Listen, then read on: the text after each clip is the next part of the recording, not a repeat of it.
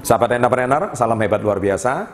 Topik saya kali ini menceritakan bagaimana selalu berbahagia setiap hari.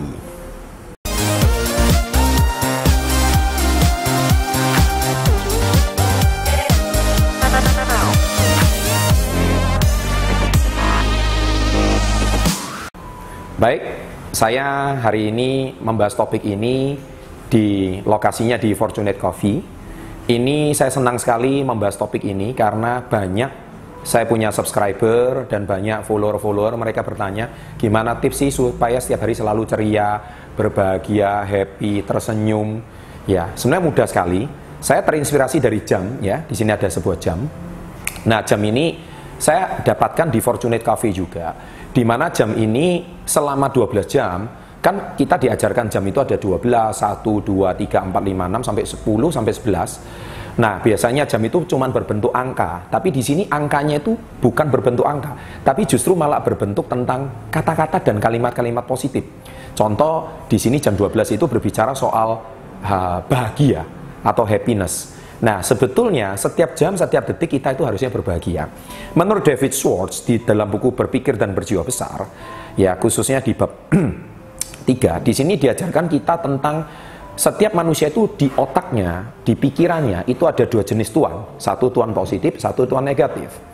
Nah, kalau tuan positif itu setiap hari, setiap saat kita itu bisa mempekerjakan diri kita bagaimana kita bisa selalu bahagia, kita selalu happy, kita selalu uh, bersyukur, kita bahkan ketika ditimpa musibah kita tetap bisa tertawa, bahkan tersenyum. Dan ini sesuatu yang sangat baik dan positif. Tetapi sebaliknya kita juga punya tuan negatif. Nah, tuan negatif itu berisi tentang kecemasan, stres, depresi, ya, menderita. Nah, itu kita juga punya sisi-sisi seperti itu di dalam hidup kita. Nah, pertanyaannya, Anda mau mempekerjakan dengan tuan yang mana? Kalau Anda setiap saat bisa pada tuan yang positif, maka saya yakin 24 jam Anda setiap hari akan diisi dengan hal-hal yang positif. Bahkan di saat Anda mungkin saat ini sedang kena musibah sekalipun, Anda masih bisa tersenyum. Anda bukan orang gila di saat orang berduka, stres, tapi kok Anda bisa tersenyum. Tapi Anda sedang melatih diri Anda untuk tetap berbahagia di dalam kondisi paling buruk sekalipun. Nah ini perlu dilatih. Nah sahabat entrepreneur, saya percaya kalau Anda bisa berbahagia, umur Anda akan lebih panjang. Rezeki Anda akan lebih baik. Bahkan, saya yakin Anda bukan orang yang mudah tersinggung. Anda bukan orang yang sensitif. Anda bukan orang yang hari ini menjadi orang yang uh, terlalu mempermasalahkan hal-hal yang kecil-kecil sehingga hari ini Anda nggak bisa maju. Ya, Anda bisa lihat saya di video-video sebelumnya bagaimana Anda segera move on dari masa lalu Anda dan sebagainya. Itu menunjukkan bahwa kalau Anda mau meraih hal yang besar, maka Anda harus bisa selalu senantiasa berbahagia. Nah, kalau Anda bisa senantiasa berbahagia, saya yakin Anda hari ini bisa menjadi orang yang besar. Karena kalau Anda menjadi orang yang besar, Anda harus berpikir besar. Anda harus berjiwa besar. Dan orang yang berpikir besar, berjiwa besar, itu adalah orang yang bahagia. Kalau orang yang selalu sempit, berpikir sempit, berjiwa sempit, itu orang yang sangat tidak berbahagia.